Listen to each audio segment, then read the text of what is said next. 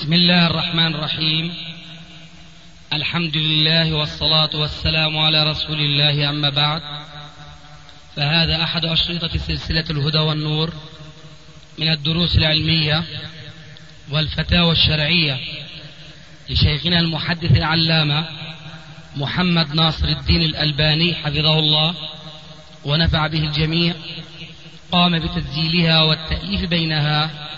محمد بن أحمد أبو ليلى الأثري إخوة الإيمان والآن مع الشريط الخامس عشر بعد المئة السابعة على واحد يقول هنا يقول الرسول صلى الله عليه وسلم بلغوا عني ولو آية وحدثوا عن بني إسرائيل ولا حرج فمن كذب, كذب علي متعمدا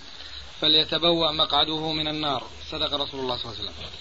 إذا يقول السائل نصاب التبليغ آية وليس شرطا في أن يكون المبلغ لدين الله عالما وليس شرطا أن يكون من أهل الذكر حيث أن أول من أسلم الطفيل الدوسي كان لا يعلم الكثير من القرآن ولكن الرسول صلى الله عليه وسلم قال له اذهب وبلغ قومك ثم يتبع إلى نفس الموضوع سؤال آخر ما درجة صحة الحديث الذي يقول كونوا كالغيث أوتوا الناس منازلهم وإذا لم يقم من هو مكلف بدعوة الناس كالعالم مثلا كالعالم كالعالم مثلا فمن هو المكلف بدعوة الناس في هذا الزمان الذي كثر فيه الفساد بارك الله إيه. فيكم إيه، هذه محاضرة هذا سؤال لكن محاضرة يحتاج إلى استحضار فقرة فقرة لا هذه الورقة يمكن غير لا لا هذه نفسها ما درجة حديث هنا فيه؟ آه. بس هذا الثاني يا شيخ بس الثاني بس السؤالين يتعلقوا بموضوع واحد اه انت قدمت واخرت يعني بالاشهر؟ نعم طيب اولا اجيب على ما بقي في ذهني من الاسئله الحديث المعروف لعله كما قال الاخ الوقت الإجابة عن الحديث الصحيح بلغوا عني ولو آية وحدثوا عن بني إسرائيل ولا حرج ومن كذب علي متعمدا فليتبوأ مقعده من النار الكلام حول هذا الحديث يحتاج فعلا إلى محاضرة طويلة فأنا أقول في حدود ما سأل السائل لأنه الحديث يحتوي على ثلاث فقرات بلغوا عني ولو آية هذه الفقرة الأولى وحدثوا عن بني إسرائيل ولا حرج هذه الفقرة الثانية ومن كذب علي متعمدا فليتبوأ مقعده من النار هي الفقرة الثالثة السائل يهمه من سؤاله ما يتعلق بالفقرة الأولى من هذا الحديث فهو يبني على هذه الفقرة وهي قوله صلى الله عليه وآله وسلم بلغوا عني ولو آية يبني عليه بناء شاهقا جدا على أساس غير متين ذلك لأن قوله صلى الله عليه وآله وسلم واضح الدلالة جدا لا يختلف فيها اثنان وهي بلغوا عني ولو آية أولا ليس معنى الحديث بلغوا عني ولو آية من القرآن فقط بل الحديث عم وأشمل من هذا المعنى فهو يعني بلغوا عني ولو آية التي هي جملة من القرآن أو من حديث الرسول عليه الصلاة والسلام ولا أحد يقول إذا كان هناك رجل من عامة المسلمين كما جاء في السؤال ليس عالما لا أحد يقول أن من كان ليس عالما ويحفظ آية من القرآن حفظا جيدا أو حديثا صحيحا عن النبي صلى الله عليه وآله وسلم لا أحد يقول أنه لا يجوز لهذا العامي أن يبلغ من لا يعلم ومن لا خبر عنده بتلك الآية أو بذلك الحديث لا أحد يقول إلا بما دل عليه الحديث فربط الحديث بالخروج المبتدع المنظم كما ذكرنا في ليلة سابقة أنه ثلاثة أيام أربعين يوم إلى آخره ربط هذا الحديث بذلك الخروج المقنن بقانون لا يعرفه المسلمون الا في هذا العصر هذا في الواقع من باب تحميل حديث الرسول عليه الصلاه والسلام ما لا يتحمل فانت يا ايها السائل ان كنت في اسوء الاحوال من عامه المسلمين لست عالما ولا انت طالب علم لكنك تحفظ آية من كتاب الله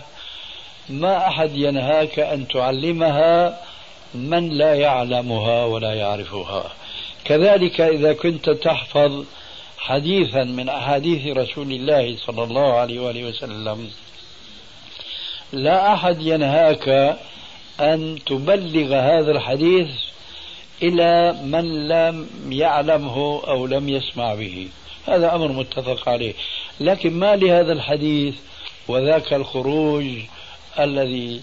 السائل ربما يعلم به وبتفاصيله أكثر مني نحن قلنا لهؤلاء الإخوان الطيبين الذين يحرصون على الخروج ذاك الخروج الذي يسمونه في سبيل الله اقعدوا في بيوت الله وتعلموا كتاب الله وحديث رسول الله صلى الله عليه وآله وسلم ذلك خير لكم من أن تخرجوا هذا الخروج الذي لا يعرفه سلفكم فإذا هذا الحديث ليس له علاقة بما نحن آه، ننصحهم به لا تنظموا الخروج ثلاثة أيام لا تنظموا الخروج بأربعين يوم فليخرج العالم أو طالب العلم أو الذي لا يعلم إلا آية أو حديث واحد فلينتقل إلى مجلس فيه من هم بحاجة إلى هذه الآية أو هذا العلم ما أحد يقول هذا لكن هذا الخروج المنظم بهذه الصورة والتي لا يستطيع أحد من هؤلاء الذين ابتلوا بهذا الخروج أن يأتي بجماعة خرجوا هذا الخروج قبل خمسين سنة فضلا قبل قرن فضلا أنه يأتينا بخروج في عهد الرسول في عهد الصحابة في عهد التابعين في عهد الأئمة المجتهدين إنما كان الخروج كما ذكرنا لكم أحاديث كثيرة أرسل معاذا وحده أرسل عليا وحده أرسل أبا موسى وحده أرسل دحية الكلب وحده دحية الكلب وحده أين أرسل خمسين شخصا عشرين شخصا أين هذا إن هي إلا بدعة ابتدع هؤلاء الإخوان لذلك نحن ننصحهم بأن يعودوا إلى طلب العلم وأن يطبقوا الحديث الذي افتتحت هذه الجلسة به وما آه، جلس قوم في بيت من بيوت الله يتلون كتاب الله ويتدارسونه بينهم إلا غشيتهم الرحمة إلى آخر الحديث الذي ذكرناه وبذلك يتفقهون في الدين ويبلغون من حولهم ثم نضيف إلى ما كنا ذكرناه وما أشرنا إليه الآن ما بال هؤلاء الذين يحتجون بحديث بلغوا عني ولو آية يذهبون إلى أوروبا لم يبقى هنا من المسلمين من يحتاج إلى مثل هذا التعليم بلى وربي هناك في القرى هناك في البوادي من لا يحسن أن يقرأ الفاتحة بل أنا أقول بل أنا أقول هؤلاء الذين جرت عادتهم بعد ما يصلي الإمام الفريضة يقوم أحدهم ويقدم كلمته بكلمة هم ابتدعوها وأعرضوا عن خطبة الحاجة التي نحن نذكركم بها دائما وأبدا أما بعد فإن خير الكلام كلام الله وخير الهدي هدي محمد صلى الله عليه وسلم إلى آخره ما سمعتها من أحد منهم أبدا أما الكليشة هذه اللي هن محافظين فيها والله أنا ما أحفظها يمكن واحد من الحاضرين يحفظها شو بيقولوا ها لا فلاح لنا إلا باتباع سنة الرسول أمر الله وعلى طريق الرسول صلى الله عليه وسلم هذا كلام جميل أولا من حيث معناه جميل من حيث معناه لكن أنا من أعرف الناس إن شاء الله أنهم لا يعرفون السنة لو عرفوا السنة للزموا المساجد بيوت الله ولتدارسوا القرآن بينهم هكذا يفعل من عرف السنة إن هي إلا إن هي إلا كلمة هو قائلها يقول ما لا فلاح ولا نجاح لنا إلا باتباع القرآن والسنة كلمة حق لكن ليس من الحق افتتاح الخطبة بمثل هذه الكلمة التي صنفها شيخهم أو أحد شيوخهم أما نبينا صلى الله عليه وآله وسلم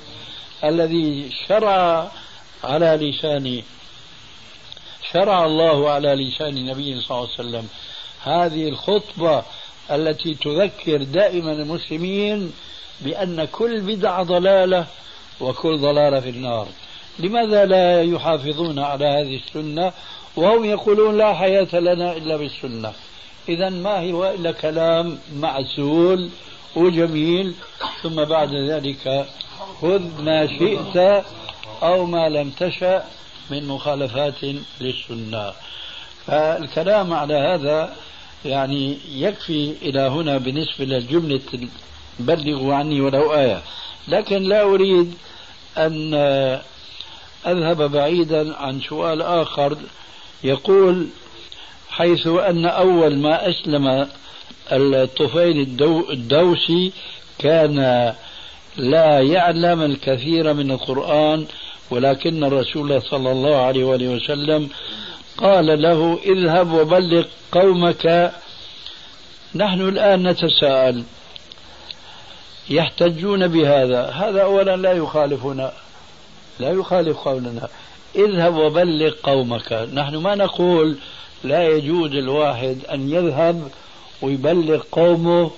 ما يعلمه من العلم أنا قلت آنفا أنت تعلم آية اذهب إلى المحل الفلانية إلى القرية الفلانية إلى البادية الفلانية وذكره بما تعلم فهذا الحديث وأقول متحفظا إن صح فهو معنا وعليهم وليس لهم بل عليهم لأن الرسول يقول هنا للدوسي هذا اذهب وبلغ قومك ماذا يبلغهم ما تعلمه من رسول الله صلى الله عليه وسلم مثل ذاك الرجل الذي ذكرنا لكم حديثه لما سأل الرسول عما فرض الله عليه في كل يوم وليلة قال خمس صلوات في كل يوم وليلة قال هل علي غيرهن قال لا قال والله يا رسول الله إلا إلا أن تتطوع قال والله يا رسول الله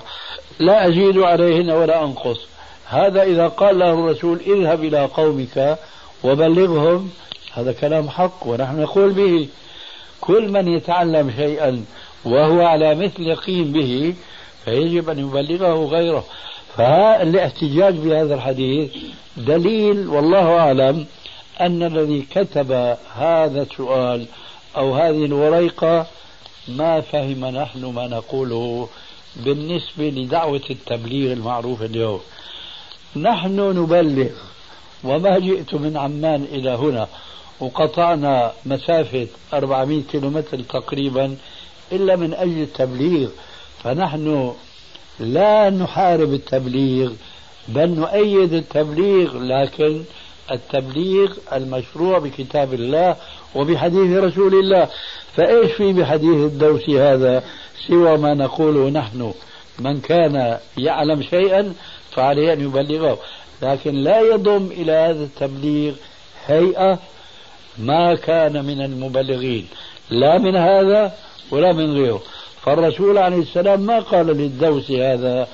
خذ معك خمسة أو عشرة واذهب وادعه طيب أنت اذهب وادعه أما الآخرون فليجلسوا وليتعلموا في المسجد المسجد بني لماذا ليس للصلاة فقط بل وللعلم والتعليم وأنتم تعلمون أن أصحاب النبي صلى الله عليه وسلم ما صاروا علماء ولا صاروا فقهاء ولا صاروا أبطال الدنيا في الثقافة العلمية الصحيحة إلا من مسجد الرسول صلى الله عليه وآله وسلم فكما قلنا آنفا كانت المساجد عامرة بالدروس وحلقات العلمية الآن لا يوجد فيها شيء من ذلك فنحن ننصح إذا هؤلاء الإخوان الذين يغلب على ظننا أنهم يريدون التقرب إلى الله عز وجل لكن كما كنا ذكرنا دائما وأبدا التقرب إلى الله يشترط فيه شرطان أولا الإخلاص لله في ذلك وهذا ما نظنه في هذه الجماعة وفي كل مسلم إن شاء الله الشرط الثاني وهذا ما لا نظنه في الجماعة أن يكون على سنة رسول الله صلى الله عليه وآله وسلم أنا لو سألت الكاتب هذا أنا أقول بصراحة هذا الحديث لا يحضرني حاله الآن هل هو صحيح أم ضعيف أنا لا أعرفه لو سألت هذا الرجل الكاتب للسؤال هل هو حديث صحيح في ظني أنه لا يستطيع أن يقول إنه حديث صحيح رواه البخاري رواه مسلم لماذا لأن الجماعة لا يدندنون حول حديث الرسول عليه السلام وطالما سمعنا أحدهم يأخذ رياض الصالحين عنا في عمان أو في دمشق الشام يقرأ حديث اثنين ثلاثة على حسب نشاطه ونشاط الجماعة لكن والله هو الذي يقرأ لا يدري ما يقرأ لا يفهم ما يقرأ فضلا عمن حوله ايش الفائدة قرأنا الحديث وما فسرناه رسول الله صلى الله عليه وسلم يقول من يرد الله به خيرا يفقهه في الدين يفهمه في الدين فإذا نأخذ رياض الصالحين ونقرأ الحديث ونمر للحديث الثاني وما فهمنا شيئا إلا ما سمعناه بأذننا هذه وخرج من الأذن الأخرى ما يكون العلم هكذا لذلك نحن ننصحهم مخلصين المؤمنون نصح لبعضهم بعضهم لبعض ننصحهم أن يشغلوا أنفسهم بطلب العلم بدراسة القرآن وبتفسيره من تفسير موثوق كتفسير الحافظ ابن كثير وما اختصر منه باختصار سليم ودراسة الحديث النبوي كمثل هذا كتاب رياض الصالحين هذا من الكتب النادرة التي قصد المؤلف جمع الأحاديث الصحيحة فيه وإن كان لا يخلو من بعض الأحاديث التي فيها ضعف لكن حديث جمع فيما يتعلق بالأخلاق فيما يتعلق بالسلوك بالصبر بالخوف من الله والخشوع ونحو ذلك هذا شيء جميل جدا لكن نقرأ هكذا كما كانوا يقولون عندنا في الشام كانوا يقرؤون الحديث لماذا؟ قالوا للبركة للبركة أي ليس للعمل به لماذا؟ كانوا يقرؤون الحديث في صحيح البخاري وهو ضد صلاتهم مثلا حديث في صحيح البخاري ومسلم عن ابن عمر رضي الله تعالى عنه كان رسول الله صلى الله عليه وسلم إذا كبر للصلاة رفع يديه ثم إذا ركع رفع يديه وكبر ثم إذا قال سمع الله لمن حمده رفع يديه وكبر القارئ حنفي يقرأ هذا الحديث ولا يعمل به ليه؟ لأنه مذهبه بيقول ما في رفع يدين عند الركوع ورفع من ليه عم تقرأ الحديث للبركة سبحان الله كيف كانت البركة ألا تعمل بما تقرأ نقرأ القرآن للبركه مثلا يمحق الله الربا ويربي الصدقات إيه أنت تقرأ هذه الآية وترابي ولا تتصدق لماذا تقرأ القرآن للبركة سبحان الله متى كانت البركة بمخالفة ما تقرأ من كلام الله أو من حديث رسول الله صلى الله عليه وسلم إذا هذا الكتاب وهو رياض صالحين للإمام النووي رحمه الله نحن ننصح بقراءته لكن بقراءة فهم ووعي ودراسة وليس على طريقه التي يقولون فيها نقرأه فقط للبركة لا بركة في الجهل ربنا عز وجل يقول أفلا يتدبرون القرآن أم على قلوب أقفالها فما يكفي أن نقرأ القرآن للبركة ثم نحن لا نفهم هذا الذي نقرأه إلا ألفاظ قليلة وقليلة جدا هذه نصيحتنا لإخواننا هؤلاء آه، خلاص الوقت ممكن هو جاته بسيطة طيب تفضل الله أعلم آه الله أعلم هل يجوز الاعتكاف ليلة الجمعة بالمساجد حيث أن هذه الجماعة تسميها ليلة ذكر أي ليلة علم يرجى من فضيلتكم توضيح ذلك إيه، هذا والله شيء فوجئت به الآن أنا لا أعرف أن هناك جماعة يعني يتصدرون لمخالفة هذا الحديث الذي سأسمعكم إياه قال عليه الصلاة والسلام لا تختصوا ليلة الجمعة بقيام ولا نهارها بصيام لا تختصوا ليلة الجمعة بقيام ولا نهارها بصيام أي لا يجوز للمسلم إذا كان من عادته أن يصلي كل ليلة أما ليلة الجمعة فلا يصليها لا يحييها فما بالك إذا كان لا يصلي ليلة من ليالي الأسبوع فإذا جاءت ليلة الجمعة أحياها هذا ما ينطبق عليه الآية التي نكررها دائما وأبدا على مسامعكم ألا وهي قوله تبارك وتعالى ومن يشاقق الرسول من بعد ما تبين له الهدى ويتبع غير سبيل المؤمنين نوله ما تولى ونصره جهنم وساءت مصيره المشاققة لغة هي المعاكسة والمعارضة فرسول الله ينصح المسلمين ويقول لهم لا تختص ليلة الجمعة بقيام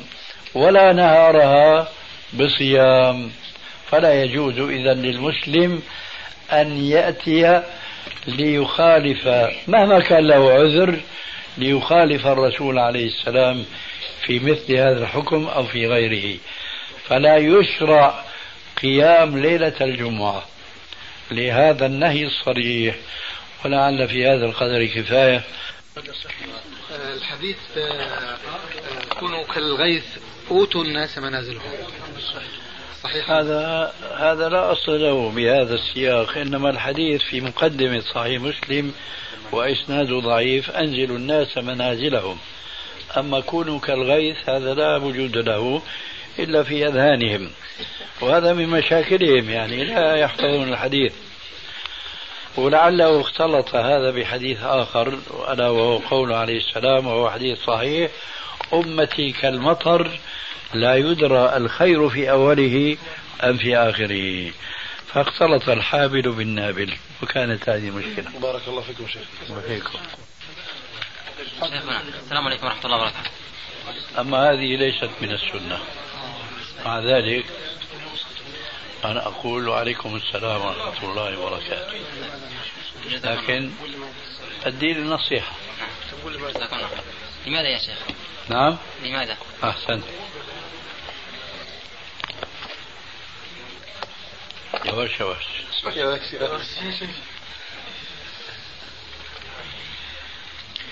روى الترمذي في سننه وأبو عبد الله الحاكم في مستدركه بسند جيد عن ابن عمر رضي الله تعالى عنه أن أن رجلا عطس في مجلسه فقال الحمد لله والصلاة على رسول الله فقال ابن عمر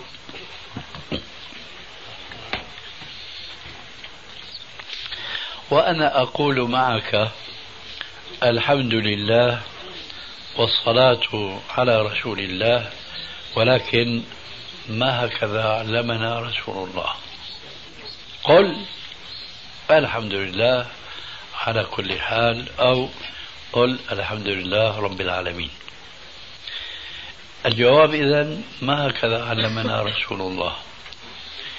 السلام إنما شرع في مواضع معروفة يجمعها قوله عليه السلام حق المسلم على المسلم خمس إذا لقيته فسلم عليه فأنت الآن ما لقيتني أنت جالس معي من أول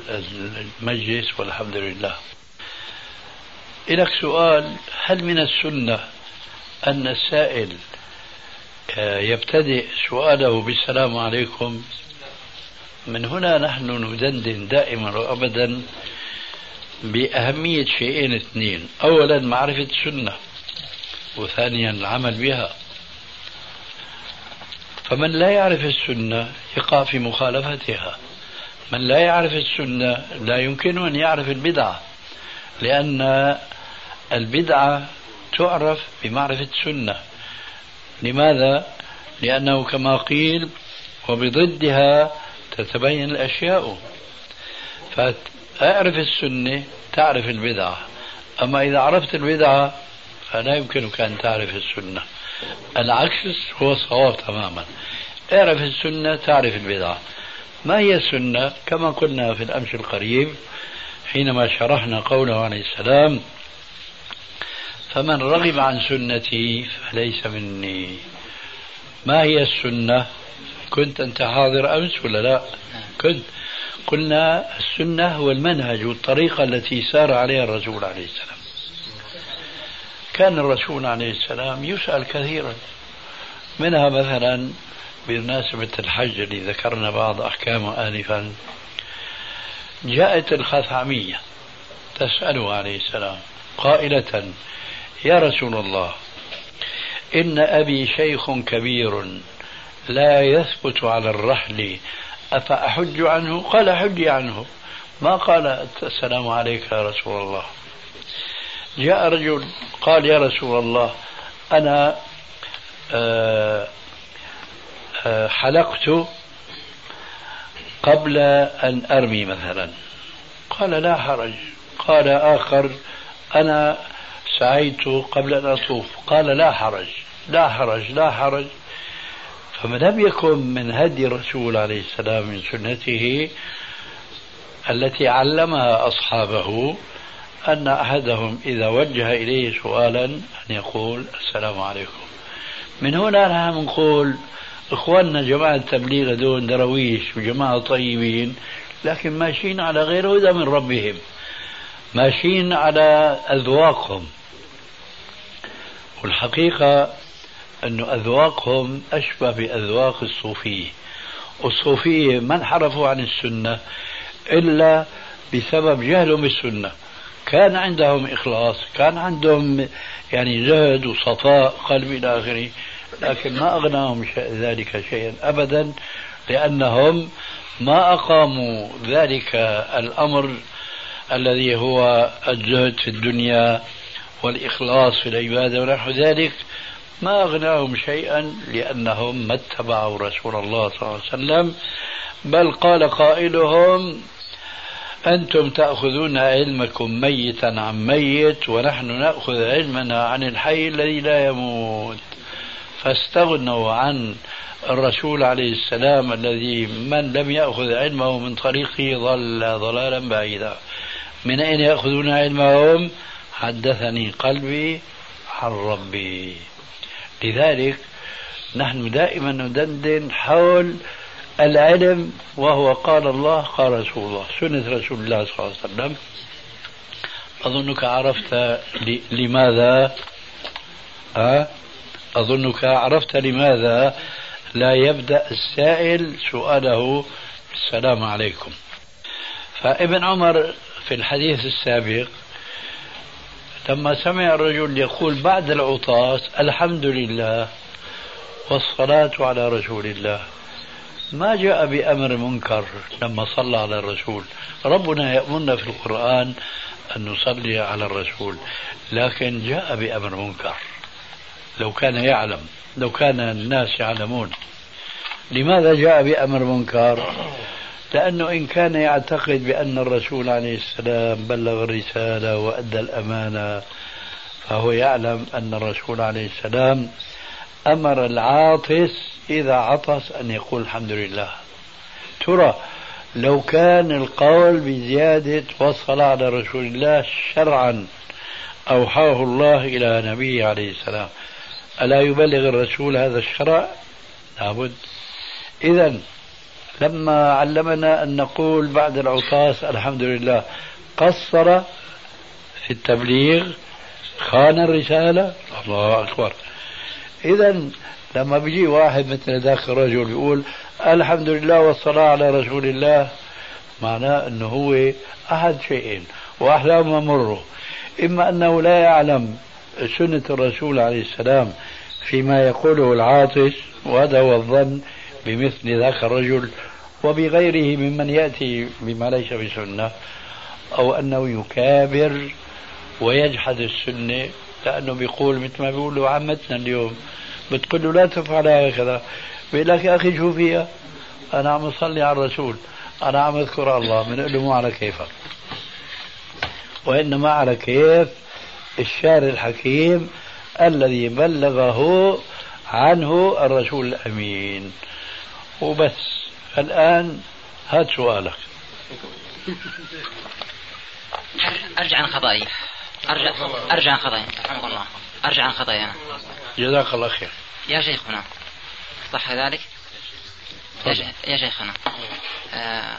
قد بينتم بمحاضرة أمس وقبل أمس بأنه الذي يقوم بتبليغ دين الله تبارك وتعالى يعني شرط أن يكون عالما وذكرت ما شروط هذا العالم وصفات هذا العالم أن يكون عالم يعلم بالمذاهب الأربعة والى آخره نعم. من الشروط التي ذكرتموها أنتم فاليوم ذكرتم بأن من يبقى مسألة حديثا صحيح أو آية صحيحة فليبلغ بها ولم تذكروا بالأمس ولكن هذا اليوم اختلف هذا الكلام لا ما اختلف لم تذكر بالأمس هذا الكلام ما لي بارك الله فيك أنا الآن اللي قلته هو التبليغ ولو آية كما قال أما الخروج الخروج الخروج الانطلاق من قرية إلى أخرى من بلد إلى آخر من بلاد المسلمين إلى بلاد الكافرين هذا يحتاج إلى أهل العلم وقلت أنا في تلك المحاضرة أن هذا سيتعرض لمسائل لا يعرف الجواب عنها إلا من كان عالما أما هذا الذي قلناه آنفا هذا تبليغ آية يعلمها يبلغ لغيره أما الخروج الانطلاق يعني مثل ما نضرب أمثلة وقلنا آنفا وفي الأمس القريب البعيد الرسول عليه السلام من أرسل إلى اليمن معاذ بن جبل أبا موسى علي بن طالب دحت الكلبي إلى آخره أرسلهم دعاة هذا هو الخروج هذا يشترط أن يكون عالما ولا شك لأنه يتعرض لمسائل ما يعرف هذا الذي قابع هنا وحفظ آية أو حفظ حديثا ولماذا أنا ذكرت لكم حديث ذاك الذي أصابته الجراحات ثم احتلم فسأل من حوله فأفتون لابد ما إيه تغتسل فاغتسل ومات مثل هذه الواقعة ما يكفي أن واحد يفتيه وهو ليس بعالم ولذلك أفتوه لأنهم كانوا غير علماء لا تنسى لابد ما كل واحد من الحاضرين يأخذ الموضوع من جميع جوانبه فأنا صحيح قلت تعليقا على بلغوا عني ولو آية تعرف أنت آية بلغها لغيرك لكن ما قلت أخرج وسافر من بلد إلى بلد آخر وأنت رجل لا تعلم من العلم إلا قليلا إذا خلاصة نفرق بين أمرين بين الخروج للدعوة وبين تبليغ ما تعلمه من حكم شرعي وأنت على علم به هذا شيء وذاك الخروج شيء آخر ذكرت يا شي... ذكرتم يا شيخنا بأنه يعني أنتم أتيتم جزاكم الله خير من عمان مسافة 400 كيلو متر إلى العقبة من أجل هذا التبليغ نعم. ولكن الآن أنتم تقومون بتبليغ هذا بتبليغ ما عندكم من دين الله عز وجل يعني من فقه فقه فقه دين الله عز وجل إلى أناس يعني هم في بيت الله عز وجل هم الله هم هداهم الله عز وجل ولكن أناس كثير جدا جدا هم يعني في غضب الله في معصية الله عز وجل بعيدين عن بيت الله عز وجل لا يعلموا أن الشيخ محمد ناصر بن الباني جزاه الله خير عنه وعن المسلمين جميعا انه اتى فكيف هؤلاء هؤلاء هذولا كيف نبلغهم؟ وليس هؤلاء الذين هداهم الله عز وجل نريد هؤلاء الذين هم يتخبطون في معصيه الله عز وجل كيف تبليغهم؟ هؤلاء سبق الجواب انت الان نعم سمعت ما حدثتك به اذهب إلى البيت اذهب إلى العمل اذهب إلى المحل الذي أنت تعمل فيه وبلغ من حولك أنت ما خرجت في سبيل الله كما يقولون الجماعة أنت تبلغ وهذا من أدب الرسول عليه السلام أنه كان إذا خطب في الناس خاصة في الحشد الكبير في الحج الأكبر قال اللهم فاشهد اللهم هل بلغت فكان يعني يطلب من الناس ويقول لهم فليبلغ الشاهد الغائب فالتبليغ أخي شيء والخروج شيء أنا أرجو أن تفرق بين أمرين نعم نعم أفرق فهمت ذلك نعم كويس طيب الآن أنتم ذكرتم جزاكم الله خير أن في آه، عوضا عن الخروج إلى بلاد الكفر طبعا هذا يشترط الى شروط كثيره ذكرتموها انتم آه. ولكن قلتم الابدى من ذلك والافيد من ذلك هؤلاء القرى في أمن اهل الباديه والاعراب الذين لا يحسنون قراءه الفاتحه حتى لا يحسنون الوضوء هؤلاء الناس هل أذهب إليهم أنا إذا كنت أحسن قراءة فاتحة وأحسن نعم. وضوء أذهب إلى هذه القراءة اذهب إليهم وعلمهم ما أنت على علم به وبس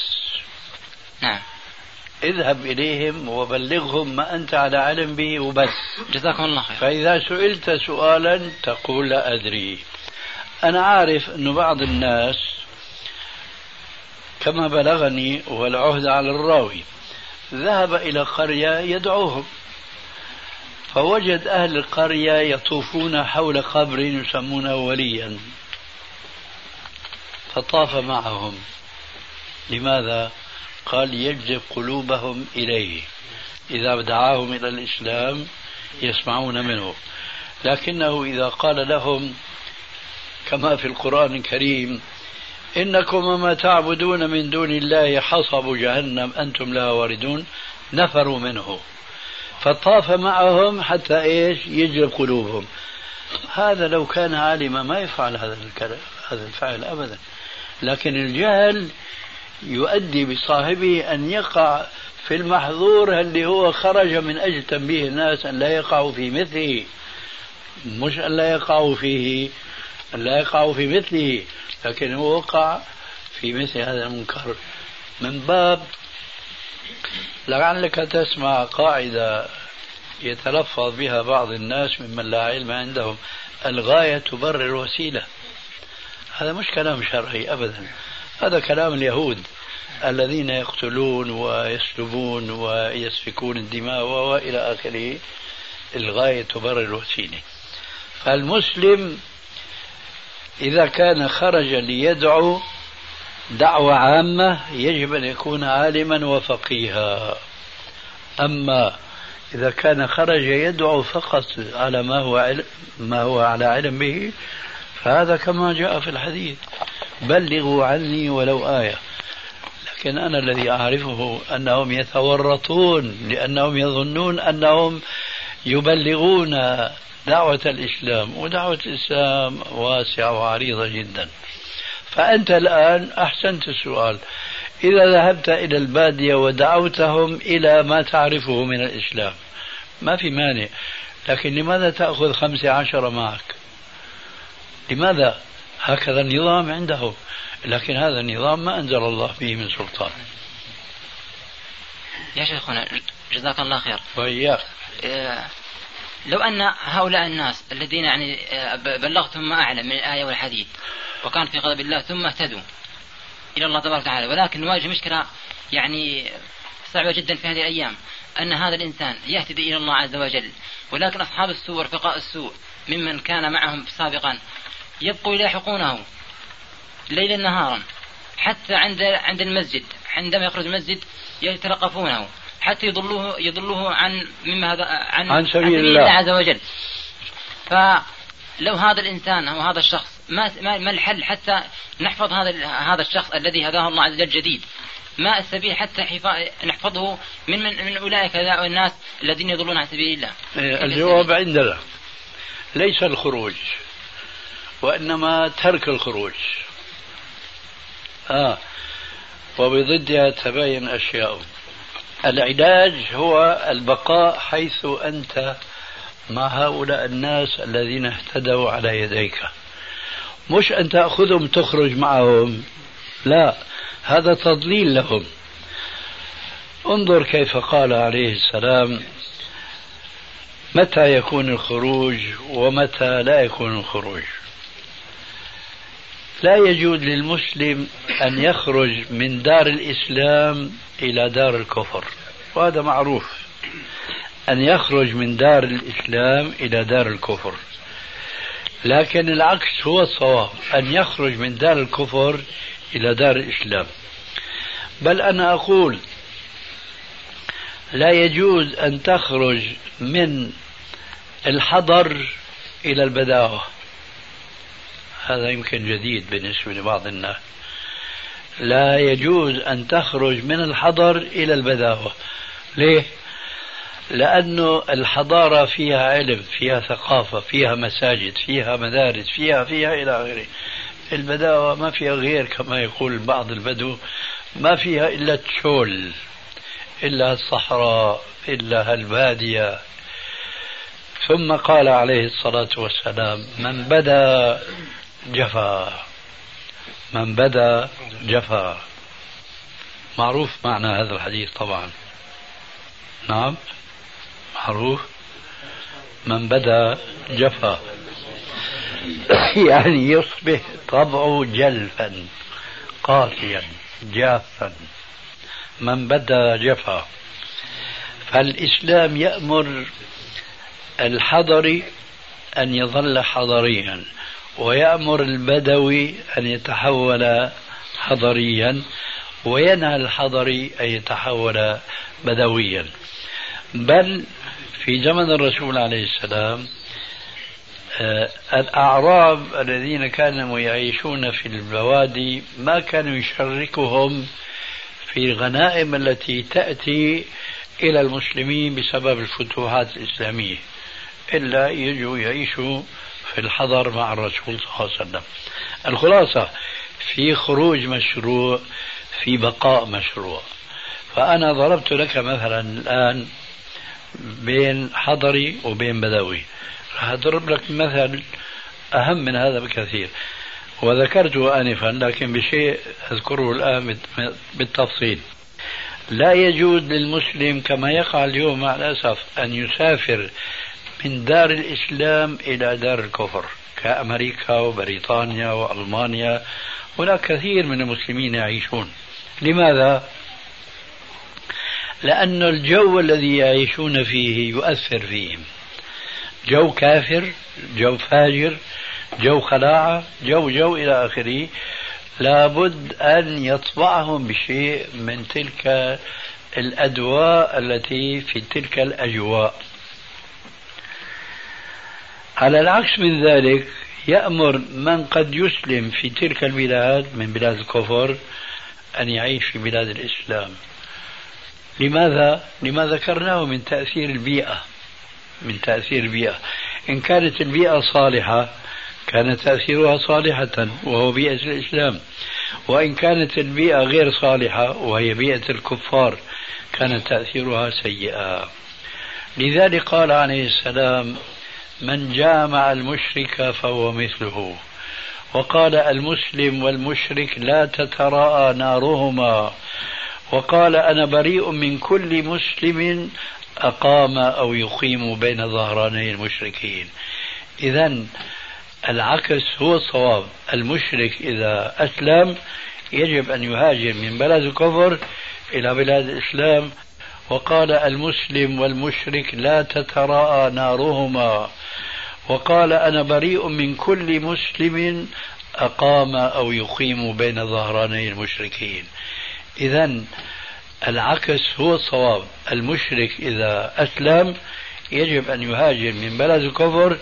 إلى بلاد الإسلام أما المسلم أن يسافر من بلد الإسلام إلى بلد الكفر هذا لا يجوز إسلاميا وبعض الأحاديث الواردة تؤكد لنا معنى هذه الشريعة الغراء في هذه المسألة لابد أنكم سمعتم يوما ما قول النبي صلى الله عليه وآله وسلم مثل الجليس الصالح كمثل بائع المسك إما أن يحذيك أي يعطيك مجانا وأنا أعتبرها فرصة كما فعلت معي جزاك الله خيرا لأني يمكن يومئذ ما طلع بإيدي أن أجزيك خيرا مثل الجليس الصالح كمثل بائع المسك إما أن يحذيك أي يعطيك مجانا كما فعلت أنت ما أخذ ثمن الطيب هذا وإما أن تشتري منه وإما أن تشم منه رائحة طيبة إذا جليس السوء الصالح على كل حال أنت إذا جالسته تكون رابحا ولكن الربح درجات أكبر درجة كبائع المسك يعطيك مجان مرتبة ثانية تشتري منه أحسن ما تنزل السوق وتدور إلى آخره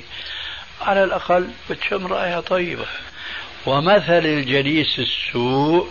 كمثل الحداد إما أن يحرق ثيابك وإما أن تشم منه رائحة كريهة هذا حديث يبين لك تأثير البيئة من خير أو شر وأعظم من هذا في بيان أو في تصوير هذا التأثير حديث الصحيحين عن أبي هريرة رضي الله تعالى عنه قال قال رسول الله صلى الله عليه وآله وسلم كان رجل في من قبلكم قتل تسعة وتسعين نفسا بغير حق ثم أراد أن يتوب فسأل عن أعلم أهل الأرض فدل على راهب شو معنى ما دل على عالم دل على متعبد راهب جاهل فذهب إليه وقص عليه القصة أنه أنا رجل قتلت تسعة وتسعين تسعة وتسعين نفسا هل لي من توبة قال قتلت العدد كله وبتفكر انك تتوب لا توبة لك هذا رجل شرير الذي قتل أراق 99 نفس بغير حق مو بعيد عليه أن يكمل العدد وهكذا فعل قطع رأس الراهب هذا وكمل العدد منه مئة لكن رجل مخلص صحيح فاجر قاتل لكنه مخلص من حيث أنه يبحث عن طريق التوبة فما زال يسأل حتى دل في هذه المرة على عالم فذهب إليه وقال له أنا قتلت مئة نفس بغير حق هل لي من توبة شوف الفرق بين العالم وبين الجاهل فنحن نخشى أنه يقع التبليغي في مثل ما وقع الراهب لأنه غير عالم العالم قال له ومن يحول بينك وبين التوبة ولكنك بأرض سوء ولكنك بأرض سوء فاخرج منها إلى الأرض الفلانية ولكنك بأرض سوء فاخرج منها إلى القرية الفلانية الصالح أهلها فخرج إذا هذا فعلا يريد أن يتوب ليه؟ عم يسأل عن عالم لما دل على عالم قال له اترك القرية اللي أنت عشت فيها لأنها قرية فاجرة تعينك على المنكر ولذلك اخرج منها واذهب إلى القرية الفلانية سمع وطاعة وخرج بدك تطول بالك شوي ما دام طولت كل هالمدة هي ما بقى عليك إلا قليلا آه، فخرج يمشي إلى القرية الصالحة أهلها في الطريق جاءه الموت تقدير العزيز الحليم فتنازعته ملائكة الرحمة وملائكة العذاب كل يدعي أن هذا من حصتنا ملائكة العذاب قتل مئة نفس بغير حق والملائكة لا يعلمون إلا ما أعلمه الله فهم يعلمون أن هذا قاتل مئة شخص بغير حق ما بيعرفوا توبته لكن ملائكة الرحمة أعلمه الله عز وجل بأنه تاب إلى الله وأناب اختلف الفريقان مين يقبض روحه فأرسل الله إليهم ملكا وقال لهم قيسوا ما بينه وبين كل من القريتين إلى أي القريتين كان أقرب فألحقوه بأهلها فقاسوا فوجدوه أقرب إلى القرية الصالحة له من القرية التي خرج منها فتولته ملائكة الرحمة إذا البيئة تؤثر فالذي يذهب للدعوة إذا معنى هذا الكلام كله كتلخيص يخرج للدعوة يجب أن يكون عالما ولا يكفي أن يكون عابدا ثانيا لا ليبقى في تلك الأراضي الموبوءة معنى وليس مادة وإنما يبلغ الدعوة ثم يعود إلى ما هو فيه بدري آه. المهم هكذا ينبغي المسلم أن يفهم الشرع على حدود ما جاء في الكتاب والسنة خلاصة نحن نفرق بين الخروج للدعوة وبين أن يبلغ أي مسلم أخاه المسلم ما تعلمه من العلم الآن تفضل أخيرا احنا مقصدنا ان شاء الله الاستفاده من علم من علم الشيخ ان شاء الله هذا مقصدنا ولو مساله واحده جزاك الله خير طيب. ذكرتم انتم الحديثين انفا وكان هذا في بالي هؤلاء الحديثين أن أذكرهم استدلالا بما عندي فأقول آه، أنتم ذكرتم أما البيئة يجب أن تكون البيئة البيئة السليمة لهذا الإنسان التائب ولكن أنتم تعلم الآن في مثلا في عقبة وقد قلنا في البداية لا توجد البيئة البيئة الصالحة لا توجد البيئة الصالحة فقلنا احنا يصلي هذا الرجل ويقعد مع يجلس معنا الساعة وساعتين يجلس مع مع مع في بيئة صالحة في بيت الله عز وجل أو في في منزل أحد الناس الذين يعني يرتزون منهج أهل السنة والجماعة ساعة وساعتين فبعد ذلك يريد أن يذهب لبيته يتلقفه أهل السوء فأقول يعني آه، ذكرتم الجديد الصالح فلو هذا الرجل يعني هذا هذا هذا الانسان التاب الجديد ذهب مع اناس من يعني جلساء مثلهم مثلين مثل الجليس الصالح وكانوا اكثر من نفر واحد وجلسوا وياهم في مكان اصلح من هذا المكان مثل القريه مثل القرى هذه القرى الباديه لا يوجد فيها فتن كفتن النساء في المدن الحضر القرى تخلو من هذه الفتن الا ان ان يعني يكون فيها الناس اهل يعني اهل الاعراب كما قال وصفهم الله عز وجل العرب شد كفرا ونفاقا ولكن ليس هذا بغيتنا انه يعني الفتن حول هذا الانسان من فتن النساء وفتن يعني آه، زخرفه الدنيا لا توجد في هذه القرى زائد ذلك يكون هذا الإنسان في بيت الله عز وجل حولهم ممن يذكرون الله يذكرون الله عز وجل مثلهم بمثل الجليس الصالح لا يرى لا يرى فتن أمام عينيه يعني ويبقى في ذكر الله هذا كل الكلام اللي عم تحكي هو كلامي أنا لكن ما علاقة هذا بالخروج يا أخي بارك الله فيك المقنن المنظم اللي حكينا عنه آنفا فالآن وما علاقة هذا الكلام بالذهاب إلى أمريكا وأوروبا لا أقصد لا أقصد لا أقصد الذهاب إلى أمريكا وهذا أقصد الذهاب إلى هذه القرى يا أخي نحن نحكي عن دعوة قائمة الآن أنت ماذا تقصد أنا بقول لك اللي عم تحكيه أنت الآن نحن هذا كلامنا لكن نحن نتكلم عن الخروج المسمى بخروج في سبيل الله أنت بتظن نحن ننكر البيئة الصالحة ونحن عم نأكد لك البيئة الصالحة وأثرها والبيئة الطالحة وأثرها نحن عم نذكر لك هذه الأشياء فأنت الآن بتدندن حول ما عندنا نحن ندندن حول ما عند غيرنا مما يسمونه بالخروج في سبيل الله فالآن أنا ضربت لك مثلا أما تعلم أن الجماعة يذهبون إلى أوروبا قل لي نعم نعم طيب ذلك. هذا له علاقة بكلامك قل لا لأنه ليس جوا صالحا ليس جوا صالحا نعم طيب فأنا أخالف هذا الخروج وأؤيد هذا البقاء فأنت الآن بتقول المدينة اللي أنت فيها الآن هنا العقبة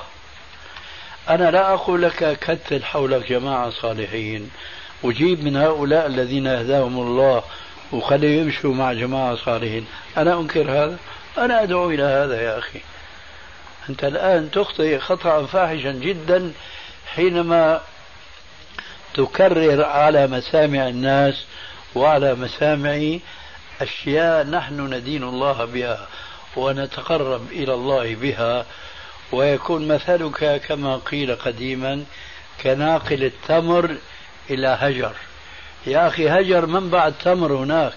فأنت نقول بلساننا نحن هذه بضاعتنا ردت إلينا إيش تتكلم أنت نحن موضوعنا الخروج المعروف المسمى خروج في سبيل الله ثلاثة أيام أربعين يوم إلى آخره اترك أهلك اترك شغلك ولا تسأل عن أي شيء ومين اللي بيخرج هو اللي أنت بتحكي عنه أنه بحاجة إلى الجو الصالح يمكن اليوم بكلمة سمعها من أحد إخواننا هذول التبليغيين والله فتح له قلبه للإيمان وآمن وبدأ يصلي رأسا بياخذوه وبيسحبوه معه لوين للبداوه للقرية ربما للهند للسند إلى آخره هذا ما يصلح مش هذا موضوعنا اللي أنت عم تحكي فيه موضوعنا هذا الخروج اللي أنت بتعرفه جيدا وما لك بحاجة نشرح لك إياه أما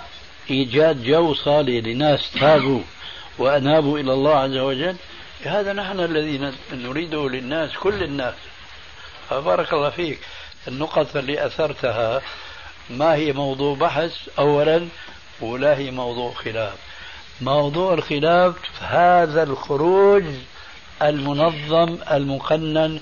بأشياء ليس من السنة أنا ذكرت آنفا لماذا لا يفتتحون دروسهم وكلمتهم بخطبة الحاجة لماذا قل لي إما أن يعلموا السنة ومع ذلك يعاكسونها أو لا يعلمون السنة ولذلك هم لا يعملون بها أحلاها مروا شو بدنا نقول أنتم جزاكم الله خير دائما كما عودتونا في كتبكم ومراجعكم التي تكتبونها تبدأون في خطة الحاجة طيب. ولكن إذا نظرنا إلى كتب شيخ الاسلام ابن تيميه او العلاب بن القيم الجوزيه او الى اخره من العلماء او النووي تجدهم لا يذكروا هذه خطوة الحاجة نهائيا مع أنها نحن نأخذ بفعل رسول الله صلى الله عليه وسلم ولا نأخذ فعلهم ولكنهم لا يذكرونها نهائيا لم يذكروا عن يعني خطة الحاجة في مقدمة كتبهم أنت هلا نائد من أنت نائض اوض ما أفهم من كلامك مع أنه في رد عليه كبير جدا إذا كنت أنت مصيب ولا أقول أنت صادق لأنك صادق إذا كنت مصيب أنه ابن تيمية وابن القيم الجوزية ما بيذكروا هذه الخطبه لكن الرسول ذكرها وأنت بتقول مع رسول الله شو الفائدة من قولك أنه ابن تيمية لا يفعل مشان تلاقي عذر لجماعتك اسمح لي اسمح لي اذا مشان ايش؟ لماذا تذكر؟ مجرد للعلم يعني بس مجرد العلم ليس يعني. يا اخي انا اعلم هذا وراح ارد عليك الان ابن تيميه منه نحن اخذنا هذه السنه ابن تيميه هو الذي احيا هذه السنه لكن ليس هذا بالامر الواجب في كل كتاب في كل كتاب أنا والحمد لله لعلمي بجهل المسلمين اليوم بهذه السنة أنا أواظب عليها أكثر من ابن تيمية ومنه أنا استفدت هذه السنة من بعض كتبه لكن الحديث الصحيح في مسلم مذكور بهذا فأنت الآن لما بتقول إيه جزاك الله خير أنت سني تعمل بها لكن ابن تيمية كان يعمل إيش وراء الكلام هذا لو أسيء الظن يعني أنت تريد أن تغمز من قناة ابن تيمية وتطعن فيه أنه مخالف للسنة ما تريد هذا صح إذا ماذا تريد للعلم ايش الفائده من وراء يعني يكون عذر لهؤلاء مثل عذر قول قول قول بارك إيه، هذا هو ظهر ما وراء الاكمه ظهر ما وراء الاكمه انا اعذر هؤلاء ما بعذر هؤلاء ليش؟ الآن أنت تقدم إلي حجة عليهم آسفا أعطي بالك آسفا ليه؟ من فضل الله عز وجل علي أنه هالخطبة هي ما كنا نسمعه من خطيب في الدنيا دنيا الإسلام كلها لا في الشام ولا في الحجاز ولا في السعودية إلى آخره لكن ربنا ألهمنا أحينا هذه السنة وألفنا رسالة بعنوان خطبة الحاجة التي كان رسول الله صلى الله عليه وسلم يعلمها أصحابه انتشرت هذه الخطبة وتجدها تسمعها أحيانا من بعض الخطباء الذين ليسوا معنا على الخط لماذا؟ لأنه مشوا معنا الخط بدها جهاد بدها مجابهة المبتدعة والطرق والمتعصبين المذاهب إلى آخره لكن هي خطبة ودعاء وإلى آخره ما فيها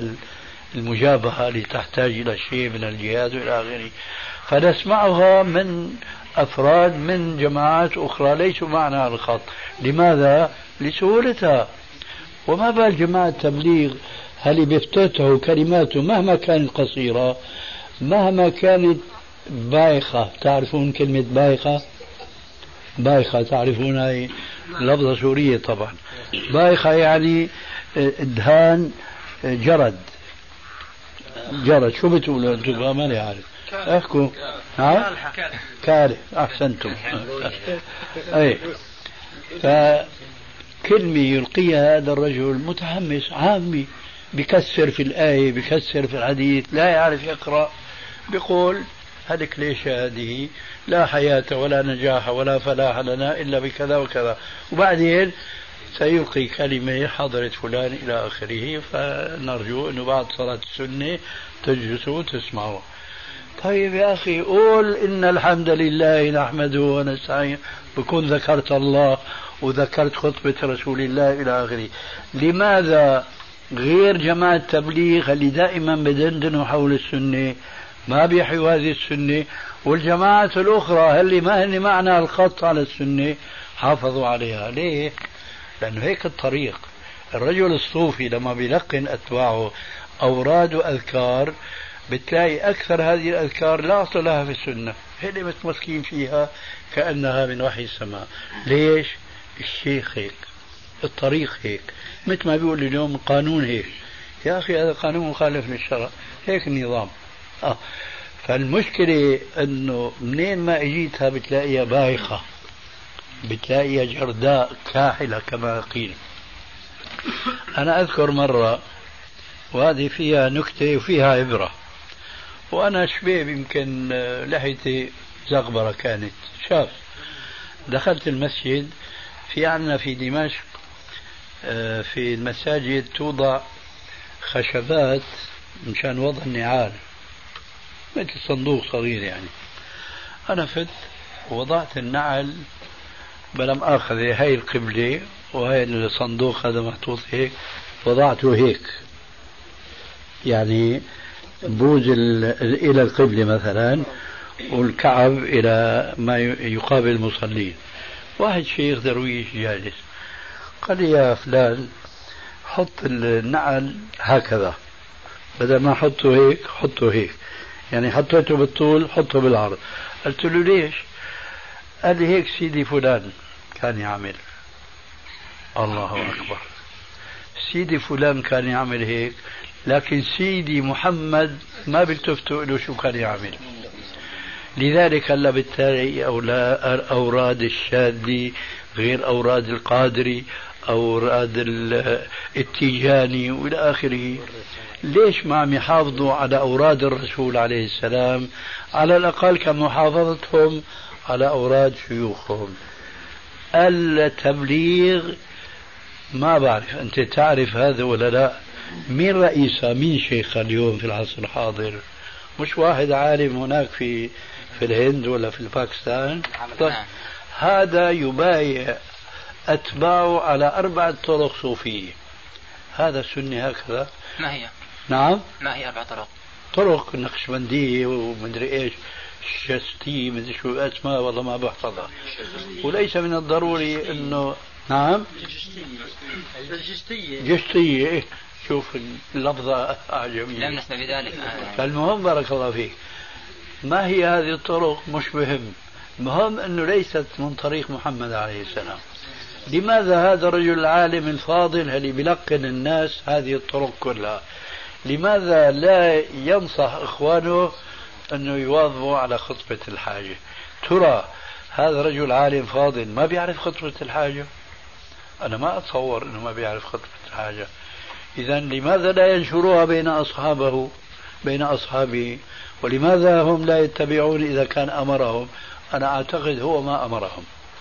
هو ما علمهم هذه خطبة خطبة الحاجة ولذلك بتلاقيهم محافظين ليتميزوا على الدعوات الأخرى بهذه الافتتاحية اللي عم نحكي عنها أنه فيها مثلا تذكير بأنه الفلاح والنجاح بمتابعة رسول الله ثم هم لا يتابعون رسول الله صلى الله عليه وسلم على كل حال نحن شيخنا لو سمحت عفوا يا اخواننا في عندي بمناسبه الخروج يا شيخنا عندنا جار في السوق يعمل تاجر هداه الله عز وجل للصلاة ولتربية اللحية نعم وبعد مدة طبعا تردد علينا هيك شيء بسيط وبعدها قال أنا أريد أن أخرج طبعا قبل الخروج عفوا شيخنا كان كان يشكو من أهله أمه وأبوه وأخواته لأنه ساكن في شقة يرحمك الله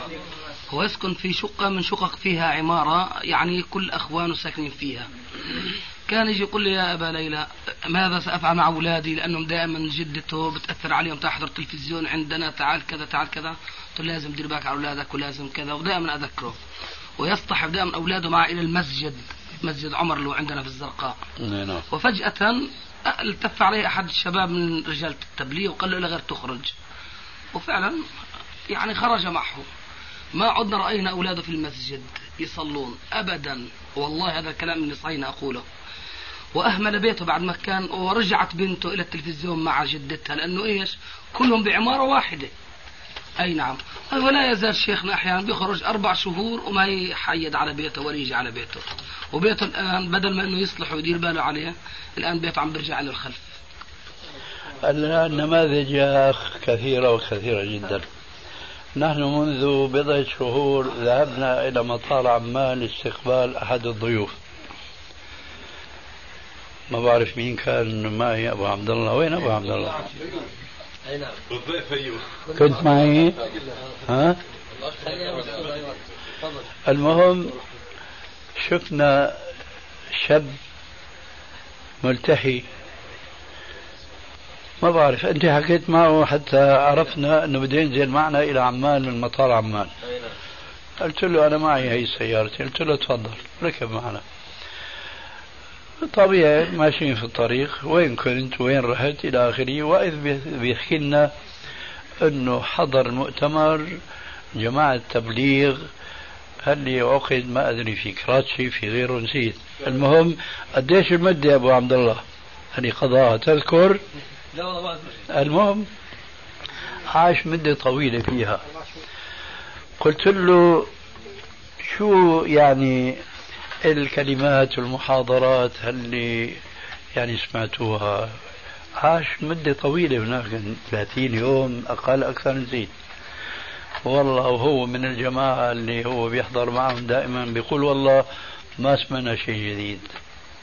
إلا قضية الصدق والأمانة ومن الكلمات المعروفة دائما فأنا رأيت من واجبي سألته هل تعرف يا أخي شو معنى لا إله إلا الله ما أعرف أعطي معنى لا إله إلا الله طيب شو سويت أنت تركت عمان ورحت هناك وبقيت المدة الطويلة كلها وبعدين أنت عم تقول ما سمعنا شيء جديد طيب شو هالرحلة هذه وشو هالسفر شو هالقيمة العلمية اللي أنت شددت الرحل إليها ثم بترجع بتقول ما سمعنا شيء جديد فأنا أقول وبضدها تتبين الأشياء أنت الآن عم تلاحظ هنا أن واحد بيعطس تلاقي الجماعة كلهم بيقولوا له يرحمك الله هل هذا تلاحظه عن جماعة التبليغ؟ قال لي لا نعم. إن كان واحد واحد اثنين ممكن الذي يجهلون يجهلون هذه السنة إيه هذا هو والذي إيه؟ يعرفون هذه السنة يطبقونها فورا هذا جواب ولا مؤاخذة سياسي فعلا لانه اللي بيعرف بيعرف واللي ما بيعرف ما بيعرف هي مفهومه لكن انا بقول كجماعه كجماعه يمكن هذا يكون رجل عامي وذاك وذاك والى اخره لكن لما بيسمعوا توجيه وتعليم أن الرسول قال فحق على كل من سمعه أن يشمته صاروا كلهم بيعرفوا فهالصحبة هذه والخروج إلى آخره هذا الحقيقة لو كان في سبيل الله حقا لصاروا جماعة تبليغ عامي لصار عالما ليه؟ لأن صحابة الرسول كما قال في القرآن هو الذي بعث في الأميين رسولا كانوا أميين مع ذلك كانوا هم المثقفين وهم العلماء لكن جماعة التبليغ ما في عندهم هالأفق العلمي الواسع من كبارهم فضلا عن أن ينقلوا ذلك العلم إلى صغارهم خلاصة جماعة التبليغ الحقيقة أنا قلتها ولا أزال أقول وأنا ما أحقد على مسلم فضلا أن أحقد على جماعة لكن هذا لا يمنعني من أن أصارحهم بالحق من باب الدين النصيحة جماعة تبليغ صوفية عصرية صوفية عصرية لماذا؟ لعلك أنت تعلم أنه من منهجهم انه هن ما بيبحثوا هي سنه وهي بدعه صح ولا لا؟ ما بيبحثوا انه يقولوا للناس لاتباعهم انه هذه سنه حافظوا عليها وهي بدعه اياكم واياها لا ما يثير من هذه لانه او تقول انه المساله في المذهب الفلاني موافق للسنه اما المساله الفلانيه مخالفه للسنه ما من هذه القضايا لانه بيقولوا هذا بيفرق اللي صح ولا ما صح؟ صح حتى عارف هم لما ذكرتهم سابقا ما جبتني ليس عندهم العلم اسمح لي اسمح لي لعدم العلم عندهم لا يجب نعم نعم اسمح لي بارك الله فيك اللي صح اللي ما صح خير الكلام ما خلا ودل هلا شوف انت بمكالمتك الان بتخليني افهمك انك تبليغي ولو ما كنت تبليغي انا انا افهم انك انت تعرف من من من قبل ذلك من اول من اول من اول ما تكلمت معك ولكن انا لا لا اتعصب الى جماعه التبليغ او دقيق اذا جاء شيء بارك فيك انا ما عم احكي عن شخصك عم احكي عن دعوه الجماعه لا تقول انت انا عارف انت لو كنت لو كنت مثل غيرك ما حضرت هذا المجلس نعم. انا عارف هذا فلا ينبئك مثل خبير لكن انا ما اقول لك انه هالجماعه دوم من انحراف عن السنه انهم لا يقولون هذا سني وهذا بدعه هذه سنة فعليكم بها وهذه بدعة فإياكم إياها لا ولا يقولون مثلا أن السنة في الصلاة أنك ترفع يديك عند الركوع ورفع منه لأنه قد يكون عندهم أحناف وخاصة أنه شيخهم يمكن يكون حنفي هناك فيخالفهم ما بيبحثوا موضوع فعليكم بسنتي وسنة الخلفاء الراشدين المهديين من بعدي كل هذا لا يبحثونه أبدا هل يبحثون التوحيد هل يبحثون كما قلنا لكم لا نعبد إلا الله ولا نعبد الله إلا بما شرع الله أبدا لن تسمعوا هذا الكلام كنت في مكة في العام اللي قبل في الحج اللي قبل اللي مضى وحضرت آه، الغداء عند آه، ابن باز حفظه الله وفي أخ مصري من تبعين التبليغ سأل ابن باز عن التبليغ قال له آه هذا آه، بدعة وضلالة ما أنزل الله بها من سلطان وسئل الشيخ صالح بن حميد في الحرم آه، في نفس الكلام اللي قاله ابن باز قاله الشيخ صالح بن حميد وسئل الشيخ عبد الرحمن العجلان برضه في الحرم آه، نفس الكلام برضه اللي قاله آه، الشيخ آه، ابن باز حفظه الله قاله الشيخ عبد الرحمن العجلان هذا قال عليه بأذني في قلب البيت ومتغدى عنده وشرب شيء مع ابن باز ما شاء الله في نفس في البيت عنده تتم تتم الكلام عفوا تتم يعني او مش انا يعني اضيف اضافه نفس الكلام منذ خمس اعوام سمعت انا في عمان في شنيلر جابوا آه، فتوى وقالوا هذه من ابن باز قالوا من ابن باز ولكن الفتوى يعني كانت آه، كعليها اه فانا شفت الفتوى مش من ابن باز حفظه الله ولكن من من؟ من الشيخ آه، اللي في المدينه ابو بكر الجزائري فقلنا قالوا لا هذه من الشيخ ابن باز ولكن ابو بكر تبع الافتاء يعني المهم هذا انا سمعته منذ خمس اعوام مشكلة الله يعطيك العافية يا شيخنا وخلاص خلاص خلاص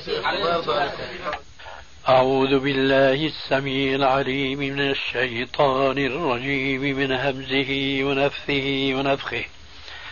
يا أيها الذين آمنوا اتقوا الله حق تقاته ولا تموتن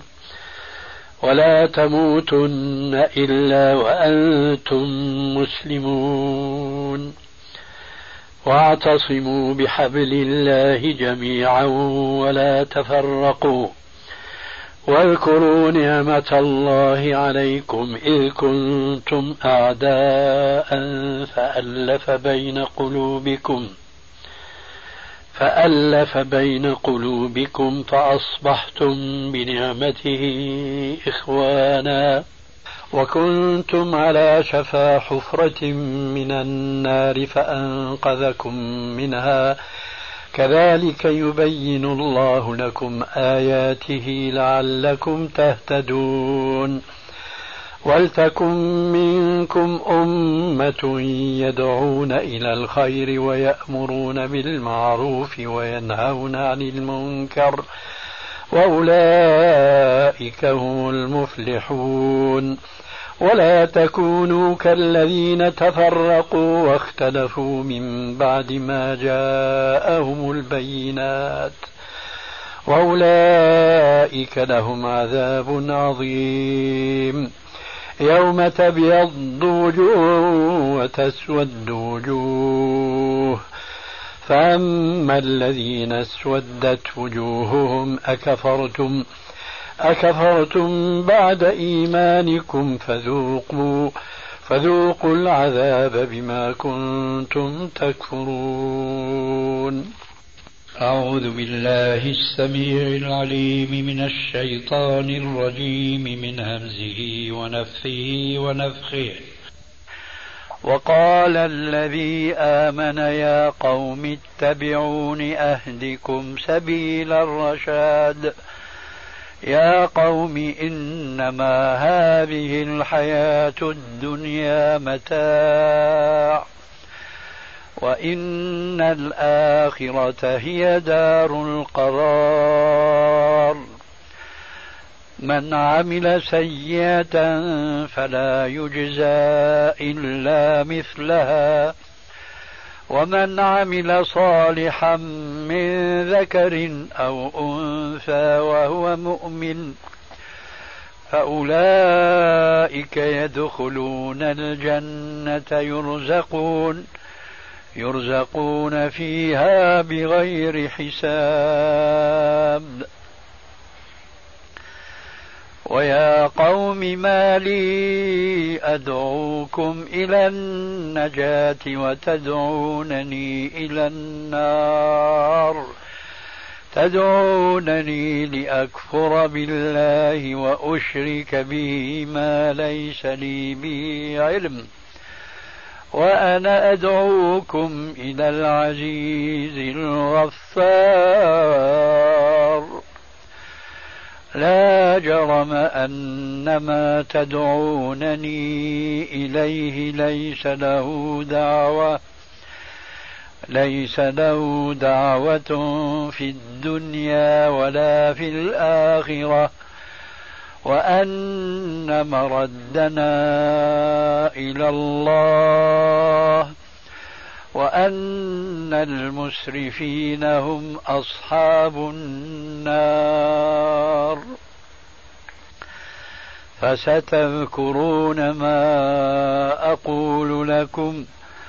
وأفوض أمري إلى الله إن الله بصير بالعباد أعوذ بالله السميع العليم من الشيطان الرجيم من همزه ونفه ونفخه تبارك الذي جعل في السماء بروجا وجعل فيها سراجا وقمرا منيرا وهو الذي جعل الليل والنهار خلفة خلفة لمن أراد أن يتذكر أو أراد شكورا وعباد الرحمن الذين يمشون على الأرض هونا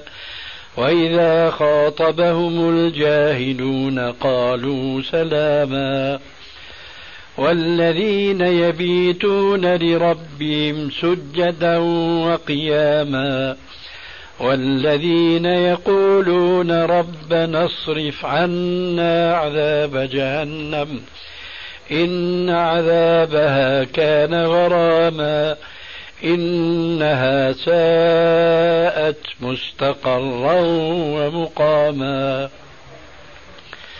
والذين إذا أنفقوا لم يسرفوا ولم يقتروا وكان بين ذلك قواما والذين لا يدعون مع الله إلها آخر ولا يقتلون النفس التي حرم الله إلا بالحق ولا يزنون ومن يفعل ذلك يلقى ثاما يضاعف له العذاب يوم القيامة ويخلد ويخلد فيه مهانا إلا من تاب وآمن وعمل عملا صالحا فأولئك يبدل الله سيئاتهم حسنات وكان الله غفورا رحيما ومن تاب وعمل صالحا فإنه فإنه يتوب إلى الله متابا والذين لا يشهدون الزور وإذا مروا باللغو مروا كراما والذين إذا ذكروا بآيات ربهم لم يخروا لم يخروا عليها صما وعميانا والذين يقولون ربنا هب لنا من أزواجنا ربنا هب لنا من أزواجنا وذرياتنا قرة أعين وجعلنا للمتقين إماما أولئك يجزون الغرفة بما صبروا ويلقون فيها تحية وسلاما خالدين فيها حسنت مستقرا ومقاما قل ما يعبأ بكم ربي لولا دعاؤكم فقد كذبتم فسوف يكون لزاما بسم الله الرحمن الرحيم نون والقلم وما يسطرون ما أنت بنعمة ربك بمجنون وإن لك لأجرا غير ممنون وإنك لعلى خلق عظيم فستبصر ويبصرون بأيكم المفتون إن ربك هو أعلم بمن ضل عن سبيله وهو أعلم بالمهتدين فلا تطع المكذبين ودوا لو تدهن فيدهنون ولا تطع كل حلاف مهين هماز مشاء بنميم مناع للخير معتد أثيم عتل بعد ذلك زنيم أن كان ذا مال وبنين إذا تتلى عليه آياتنا قال قال أساطير الأولين سنسمه على الخرطوم إنا بلوناهم كما بلونا أصحاب الجنة إذ أقسموا ليصرمنا مصبحين ولا يستثنون فطاف عليها طائف من ربك وهم نائمون فأصبحت كالصريم فتنادوا مصبحين أن اغدوا على حرثكم إن كنتم صارمين فانطلقوا وهم يتخافتون ألا يدخلنها اليوم عليكم مسكين وغدوا على حرد قادرين فلما رأوها قالوا إنا لضالون بل نحن محرومون قال أوسطهم ألم أقل لكم لولا تسبحون قالوا سبحان ربنا إنا كنا ظالمين فأقبل بعضهم على بعض يتلاومون قالوا يا ويلنا إنا كنا طاغين عسى ربنا أن يبدلنا خيرا منها إنا إلى ربنا راغبون كذلك العذاب ولعذاب الآخرة أكبر لو كانوا يعلمون